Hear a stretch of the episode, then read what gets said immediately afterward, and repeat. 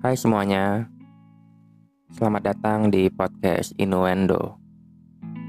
Karena apa yang ada di kepala jangan disimpan sia-sia, dan apa yang ada di hati jangan dipendam sampai mati. Bersama gua, Inu Widiantono.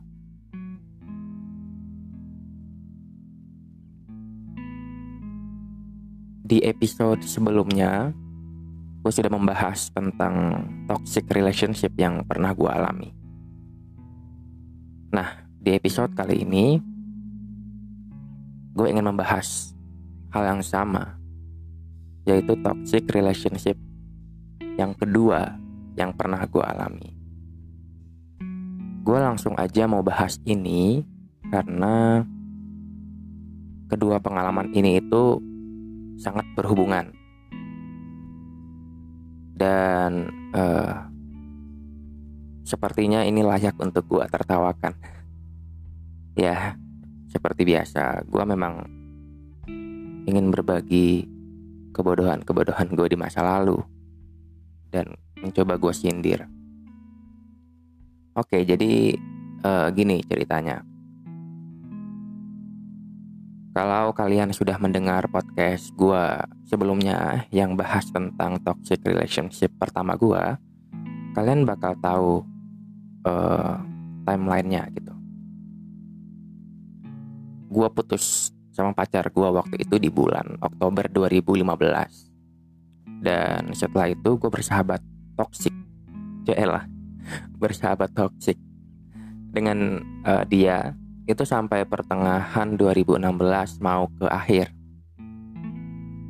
Nah setelah itu gue bener-bener lost contact sama dia dan jadinya ya biasa aja eh, nggak uh, mau tergantung lagi dan nggak mau punya hubungan apa-apa selain teman biasa.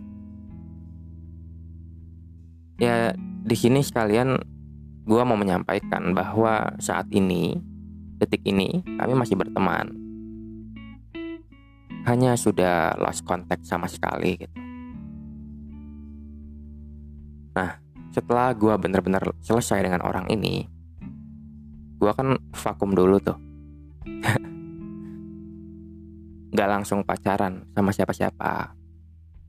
Cuma gue punya teman deket cewek yang uh, biasanya gue ceritain apa pun dari pertengahan 2016 sampai awal 2017 itu gue sama sekali nggak pacaran setelah itu. Kemudian gue baru pacaran lagi itu di pertengahan 2017 waktu gue uh, KKN. Gimana ceritanya gue bisa pacaran? Begini di tahun 2017 waktu itu uh, di kampus gua ada event. Eventnya namanya uh, POR MPP itu adalah singkatan. Jadi pekan olahraga dan malam puji-pujian. Buat lo yang belum tahu ini acara apa jadi ini adalah uh, semacam inaugurasi untuk menyambut mahasiswa baru, tapi khusus yang Kristen. Ada event olahraganya juga dan setiap fakultas itu wajib mengikuti ini dan mengirimkan perwakilan mereka. Kebetulan pada saat itu gue yang ngurusin perwakilan kampus gue di psikologi bareng-bareng dengan uh, tim gue waktu itu karena gue juga pada saat itu uh, menjabat sebagai kepala divisi minat dan bakat uh, persekutuan mahasiswa Kristen yang ada di kampus gue. Jadi untuk event kayak gini gue yang handle dari fakultas.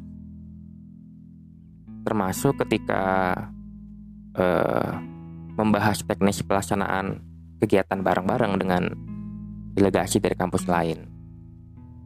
Nah, ketika ada rapat itu, di situlah pertama kali gue bertemu sama orang yang gue suka ini. dan dia adalah ketua panitia event ini. Ini event yang gede karena ini mencakup seluruh fakultas di Universitas Diponegoro waktu itu. Jadi semua orang tahu dia pasti. Dia sangat terkenal waktu itu. Karena sepertinya siapa pun yang diamanahkan jadi ketua ini pasti bakal terkenal sih ya karena memang uh, orang yang ikut kan juga banyak ya ini kan event yang sangat besar nah di situ gue ketemu dia untuk pertama kalinya kebetulan juga di organisasinya dia di fakultasnya dia dia juga menjabat sebagai kepala bidang minat dan bakat. Tapi uh, ini tingkat universitas sebenarnya. Jadi waktu itu gue dan dia punya jabatan yang sama. Suatu saat uh, eh, gue mau merencanakan sparring futsal bareng. Karena memang uh, biasanya kita sparring futsal bareng teman-teman fakultas lain. Nah karena gue tahu bahwa dia adalah kepala uh, bidang minat dan bakat yang di universitas, maka gue chat dia untuk ajak sparring. Kemudian ketika gue chat, dia merespon dengan baik, sangat baik bahkan welcome. Lalu akhirnya setelah itu ya kita lanjut chatan lah. Dari situ kemudian gue sama dia mulai kenal uh, dan sering ngobrol bareng, sharing pemikiran satu sama lain. Sebenarnya dia ini tipe yang susah dekat sama laki-laki yang memang dari awal jelas-jelas ngedeketin dia. Jadi kalau dia tahu nih ada cowok yang memang motifnya untuk ngedeketin, sebenarnya dia nggak bisa deket sama orang seperti itu. Tapi kalau untuk berteman, uh, dia jagonya sih, karena memang dia ini orangnya supel. Tapi ketika ada cowok yang mau deketin dia, dia jarang banget respon. Ini menurut pengakuan dia ya. Sehingga ketika gue chat dan dia respon dengan baik seperti itu, ini sesuatu buat gue. Masa-masa PDKT kita itu kurang lebih dari April 2017 sampai Juli 2017 sebelum gue ikut KKN. Nah, cerita serunya ada di sini. Jadi kan gue di Fakultas Psikologi dan dia itu di Fakultas Sosial beda fakultas nih. Tapi ketika kita KKN, gue dan dia ada di satu kecamatan. Bahkan ketika pengumuman penempatan desa, gue sama dia ada di satu desa. Kalian bisa bayangin ya, betapa kebetulan hal ini. Ibaratnya lu lagi PDKT sama orang nih, orang yang membuat lu tertarik. Lagi masa-masa PDKT, eh ternyata dia satu KKN sama lu, satu desa satu posko bahkan satu rumah. Di situ yang terfikirkan dalam benak gue adalah ini pada saat itu ya betapa baiknya Tuhan saat itu mempertemukan kami. Yang mana sekarang gue tertawa sendiri sih kalau inget-inget itu gitu. Ya, praktis kita kemudian uh, melaksanakan KKN di bulan Juli. Nah, di waktu ini teman-teman lain tuh belum tahu bahwa kita itu udah saling mengenal satu sama lain. Teman-teman satu posko waktu itu. Tapi akhirnya kita kasih tahu kok sama mereka bahwa sebenarnya kami udah kenal sebelumnya bahkan sekarang ini lagi tahap PDKT. Di KKN ini pun terjadilah banyak hal yang menurut gue saat ini adalah hal yang paling toksik yang pernah terjadi di dalam kehidupan gue dan hanya gue alami ketika sama dia di KKN ini kita semakin dekat dan arahnya memang sudah ingin menjadi pacar ya waktu itu. Hanya gue belum tembak dia. Akan tetapi di masa-masa ini banyak hal yang menurut gue itu di luar dari kewajaran. Uh, kita saking dekatnya saat itu. Kita sampai tukar-tukaran password Instagram. Jadi dia bisa masuk Insta gue begitu juga sebaliknya. Ternyata di sinilah mulai muncul masalah. Gue nggak tahu awalnya. Bahwa ternyata dia adalah orang yang uh, sangat cemburuan, sangat cemburuan. Tadi bilang kan bahwa gue punya teman cewek yang dekat sama gue. Dia marah loh. Waktu gue DM DMan sama teman gue itu ya misalnya balas-balasan story kemudian ya namanya teman ya. Gue balas story dia terus dia uh, ngerespon balik akhirnya jadi DM DMan itu kan hal yang biasa ternyata dia nggak suka dengan itu. Bahkan ketika gue jelasin secara rinci orang ini siapa gitu dia tetap nggak mau terima. Dan yang dia minta pada saat itu adalah gue ngeblok Instagram teman gue itu. Bodohnya gue adalah gue lakuin itu karena gue menyayangi dia pada saat itu yang gue lakukan adalah bagaimana caranya untuk membuat dia tidak terluka dan menangis lagi. Sehingga ketika dia suruh blok, ya gua blok. Ternyata tidak hanya itu. Gue pernah follow salah satu akun yang mana dia adalah adik angkatan gue, cewek.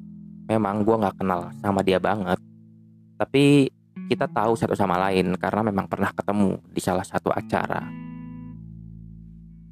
Dan kebetulannya uh, si gebetan gue ini tahu orang ini. Lalu dia tanya kenapa kamu follow dia? Kenapa di daftar search yang dia kenapa di daftar search dia paling di atas gitu ya lu bayangin aja ketika ditanya seperti itu gue begitu bingungnya harus mencari alasan yang masuk akal. Padahal ya alasannya cuma satu ya emang gue search dia dan emang gue mau lihat profile dia emang kenapa gitu? Tapi karena pada saat itu gue sebucin itu gue jelasin bahwa ini tuh bukan seperti yang kamu kira ini itu ya aku mau follow dia aja gitu dan dia bilang ya buat apa kamu follow? Blok sekarang.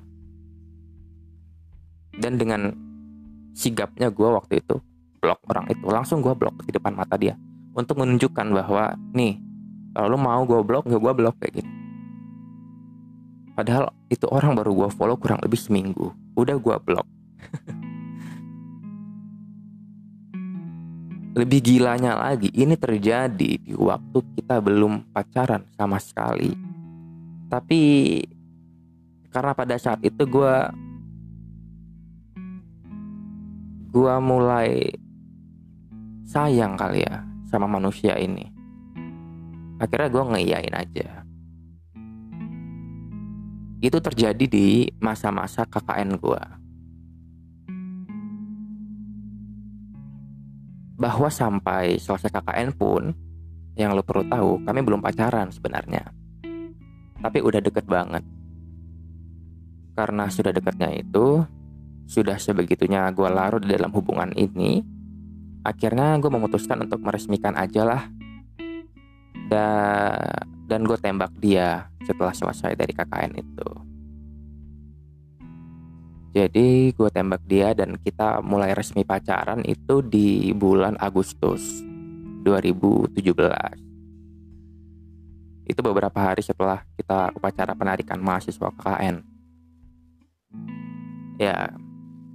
Lalu kita pacaran dan pada saat itu ya tetap berjalan dengan baik adanya walaupun ya dia itu masih sering cemburuan.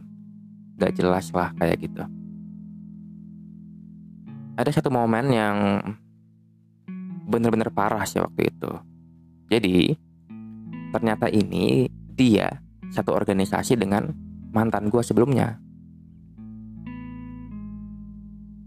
mantan gue yang dulu itu mendaftar di organisasi yang sama dengan uh, pacar gue ini.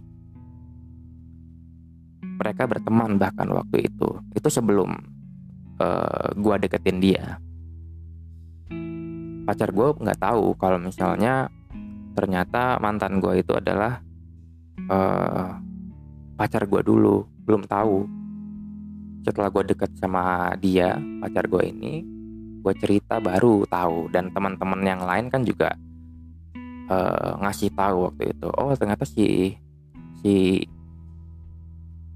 mantan gue ini adalah teman ada pacar si Inu dulu kayak gitu. Karena dia tahu itu dia beneran jadi beda sama mantan gue itu. Pertemanan mereka jadi jadi nggak sedekat dulu. Karena dia benar-benar cemburu banget. Bahkan dia pernah bilang sama gue di depan muka gue harusnya tuh gue nggak pacaran sama lo karena lo tuh udah pernah pacaran sama dia. Di depan gue dia pernah bilang kayak gitu. Gue nyesel pacaran sama lo ya memang kondisinya waktu itu kita lagi marahan karena kecemburuan dia lalu dia ngomong kayak gitu. Pernah suatu kali gue datang ke acara kampus. Di sini acaranya adalah acara uh, persekutuan mahasiswa Kristen gitu di kampus gue jadi ada gue dan ada mantan gue itu dong. Kita kan satu kampus. Ketika acara mulai gue kan nggak akan mungkin perhatikan HP terus ya. Ternyata si pacar gue ini ngechat gue tapi gue nggak balas nelpon gue tapi gue nggak nggak angkat juga. Tapi kan memang pada saat itu gue udah bilang bahwa gue mau ikut acara ini nih. Nah ketika acara selesai gue akhirnya sadar bahwa oh ternyata ah, HP gue tuh ada banyak notifikasi ada chat ada telepon dari dia. Setelah gue buka isinya adalah caps lock semua. Dia marah dan dia bilang lu urusin aja tuh mantan lu gue tahu kok. Lu ikut acara itu karena ada mantan lu kan. Udahlah bilang aja. Gak usah hubungi gue lagi. Kita putus. Di situ gue kayak apaan sih kok kayak gini? Gue langsung gas ke kosan dia. Di situ gue ketuk-ketuk pintunya. Dia nggak buka sama sekali. Dia nangis di dalam kamar dan dia suruh gue pergi tapi gue bersikeras untuk tetap di situ.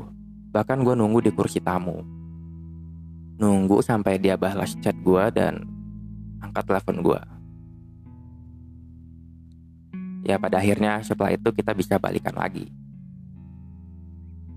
Ada lagi momen yang lebih aneh lagi menurut gue. Pernah tuh kita lagi makan malam bareng. Ini lagi makan makan malam bareng nih, santai biasa.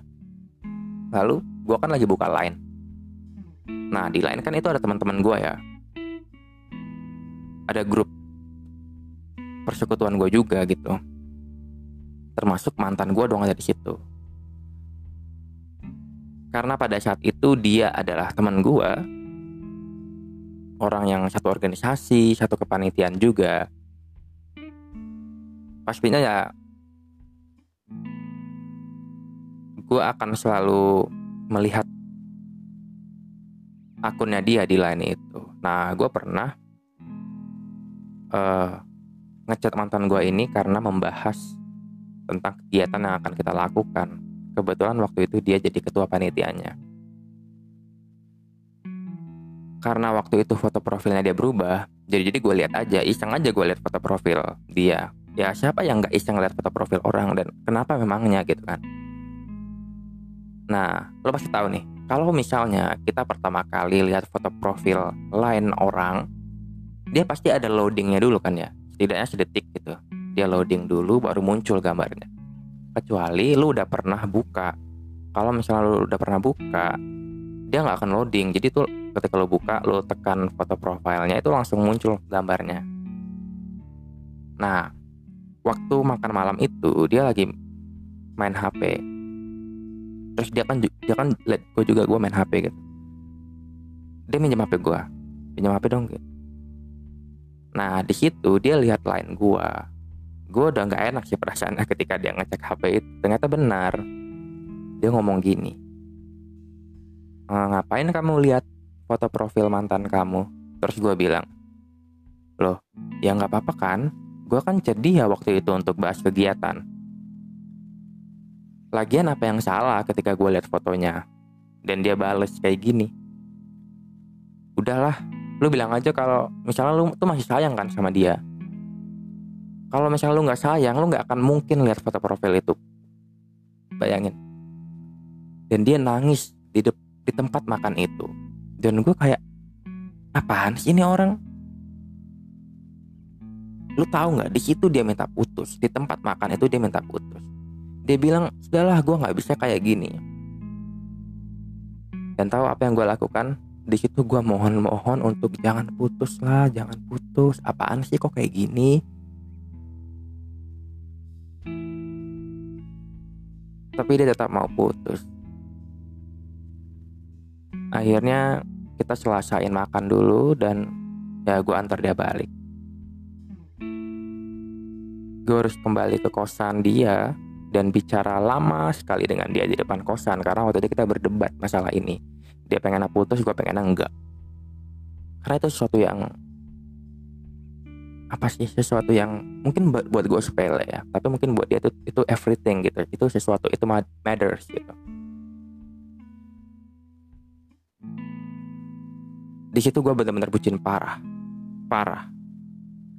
Setiap ada masalah apalagi yang berkaitan dengan mantan gue dia minta putus apalagi coba temen gue di blok udah dia cemburuan setengah mampus udah dia minta-minta putus juga udah. Ada lagi masalah waktu itu dan ternyata ini benar-benar menjadi masalah banget. Dan ini juga memicu akhirnya gue mutusin dia. Kita itu uh, beda agama, uh, bukan apa lebih tepatnya beda gereja. Gua Katolik, dia itu Protestan.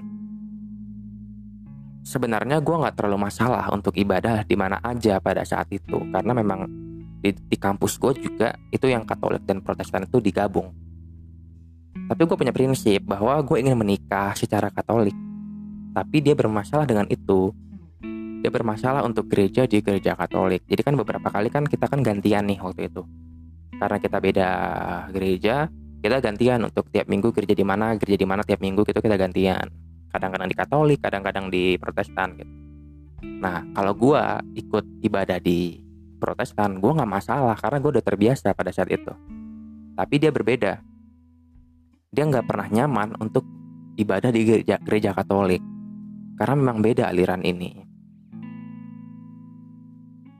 gue pernah sampai berdebat ayat Alkitab waktu itu sama dia untuk menunjukkan prinsip-prinsip yang ada di masing-masing gereja kita. Dan itu perdebatan yang mengerikan sekali. Karena kita nggak mau ngalah satu sama lain bahkan kita jadinya jatuhnya jadinya kayak menjustifikasi ayat Alkitab masing-masing gitu. Gue merasa harusnya dia bisa ikut gue pada akhirnya tapi dia juga begitu dia juga pengennya gue ikut dia pada akhirnya. Di sini perdebatannya sangat panjang sekali. Berbulan-bulan kita berdebat masalah ini dan masih sama. Masih sama itu terus berulang-ulang. Ketika dia tidak tahan dengan masalah and again dia minta putus dan again gue masih memohon untuk kita bisa tetap bersama. Kita bisa selesaikan ini. Bayangin udah sekompleks itu masalahnya. Gue masih bisa bilang kalau kita bisa selesaikan ini. Bodoh kan gue ya memang bodoh. Karena pada saat itu gue juga buta? Otak gue nggak jalan. Udah jelas-jelas masalah besar seperti ini akan terus dihadapi, tapi gue masih bisa-bisanya bilang bahwa kita bisa selesaikan ini. Betapa bodohnya gue. Perdebatan ini akhirnya terus berjalan dan tidak ada titik temunya. Sampai di penghujung hubungan kita, kita berantem masalah ini dan di situ gue jadinya udah kayak nggak peduli lagi dengan ini gue merasa kayak sudah melakukan kesia-siaan dan gue merenung pada saat itu apa yang mesti gue perbuat gue merenungkan itu dan akhirnya gue memutuskan untuk putus waktu itu tapi gue masih ragu oh iya kita masih sempat waktu itu untuk uh, Natalan bareng di gereja kebetulan waktu itu acaranya bareng sama mahasiswa seluruh undip. Jadi kita Natalan di salah satu gereja di Semarang. Ya kita masih fotoan bareng dan foto itu masih sempat di-upload di Instagram, di Instagramnya. Tapi di situ gue udah kayak nggak ada hasrat lagi, udah kayak bingung harus gimana. Karena yang ada di benak gue adalah besok pasti berantem lagi karena masalah ini besok pasti berantem lagi karena masalah ini. Begitu terus yang ada di dalam pikiran gue pada saat itu adalah I'm not comfortable with this relationship. Gue nggak nyaman dengan hubungan ini dan gimana caranya agar gue bisa keluar dari lingkaran ini akhirnya malam terakhir sebelum gue putus sama dia gue berantem sama dia gue berdebat pada waktu itu di tempat makan Itulah yang sering terjadi ketika gue makan sama dia. Tiba-tiba aja berdebat dan berakhir dengan berantem. Selalu seperti itu. Di saat itu gue udah kayak, udahlah.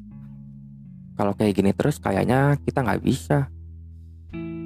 Terus dia bilang, oh oke, okay, oke. Okay. Kalau gitu kita putus aja ya. Dan itu adalah kali pertama ketika dia bilang putus dan gue diam. Gue gak balas omongan dia dengan mohon-mohon. Kemudian kita selesai di bulan Desember 2017. Dua hari berikutnya setelah gue dan dia off chat waktu itu sama sekali nggak chatan di dua hari itu Tiba-tiba gue dicat sama dia. Dia tanya, gimana kabar gue? Gue bilang baik-baik aja. Dia tanya lagi, lu gak galau? Ya gue bilang, ya biasa aja. Dia masih tanya, lu gak mau balikan sama gue? Dan pada saat itu gue jawab, enggak. bagi gue putus sekali kalau udah ya udah dan di situ dia menyesal di awal tahun 2018 dia masih berusaha untuk menghubungi gue dan gue masih respon dengan baik pada saat itu.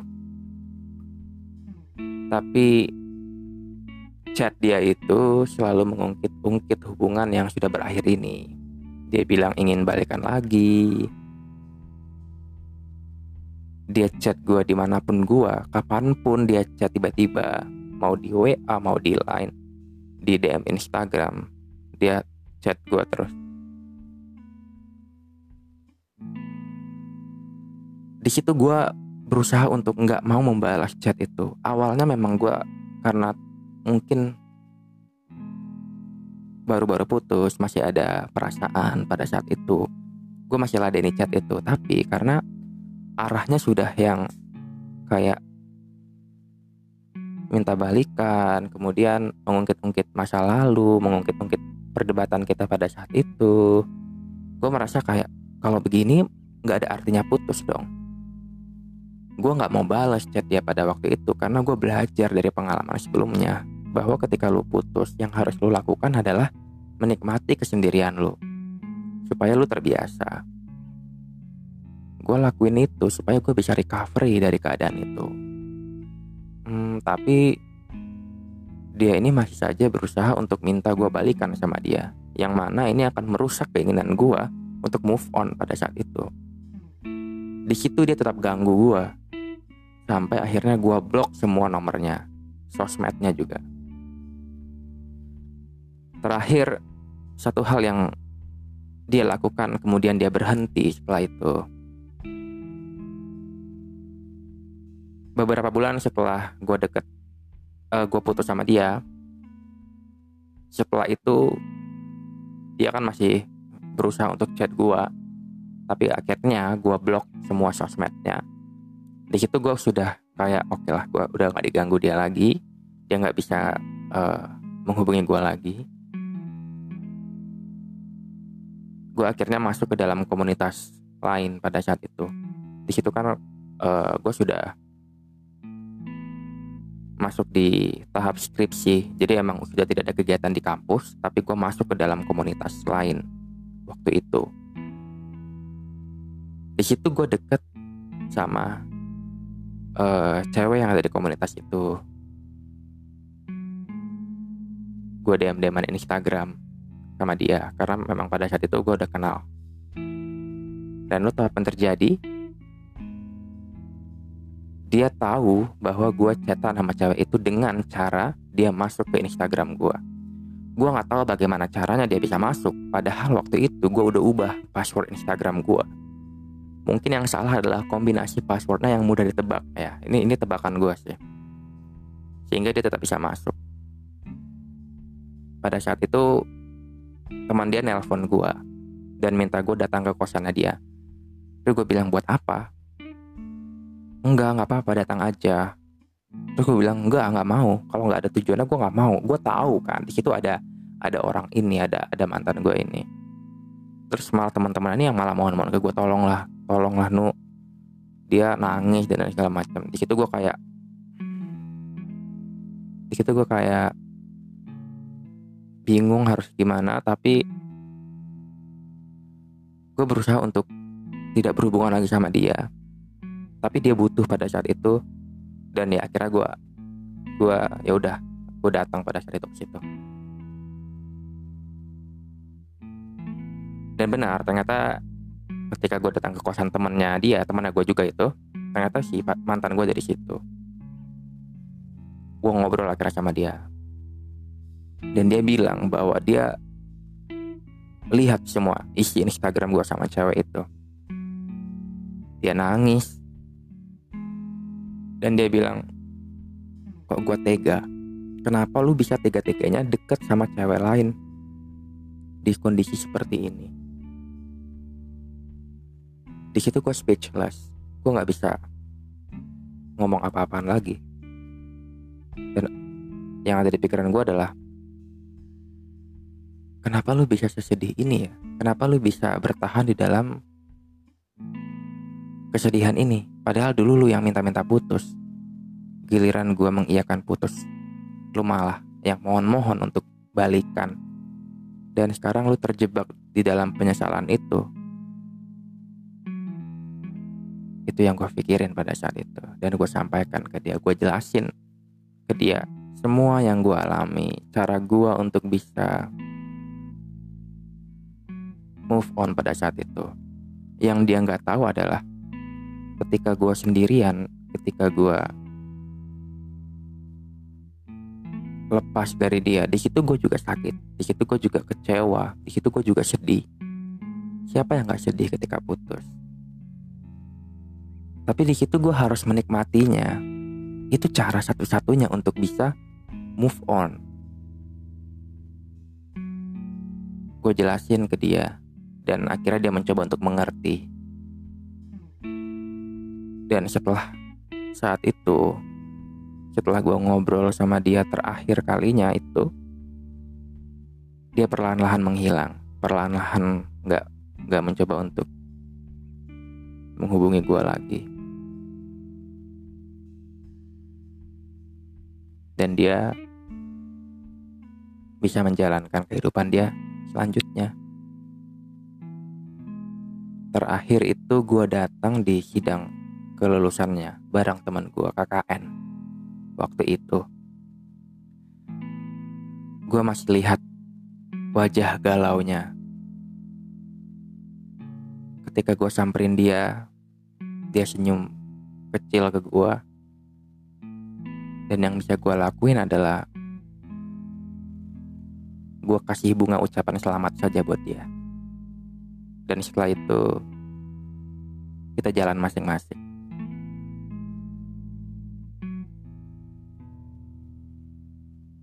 Gue nggak tahu apa yang terjadi di dalam hubungan ini. Tapi yang jelas, hubungan ini benar-benar perlu dievaluasi.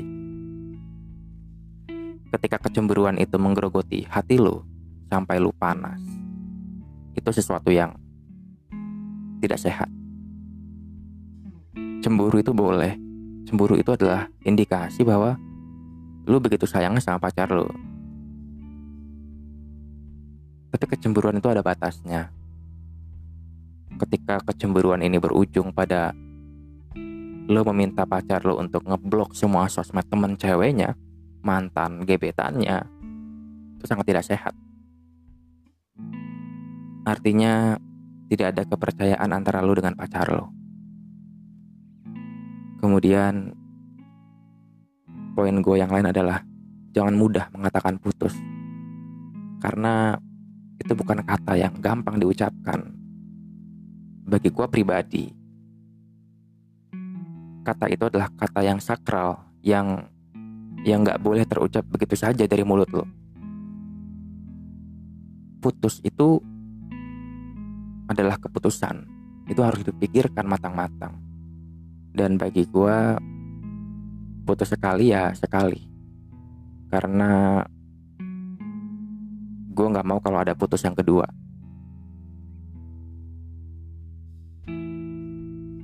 Thank you teman-teman udah dengerin podcast gue kali ini. Ya semoga pengalaman ini bisa jadi pelajaran buat kita semua dalam menjalani hubungan yang sehat. Buat kalian yang sedang pacaran saat ini, please saling percaya ya. Berikan kepercayaan buat pacar lo. Berikan kebebasan buat pacar lo. Cemburu boleh. Buta jangan.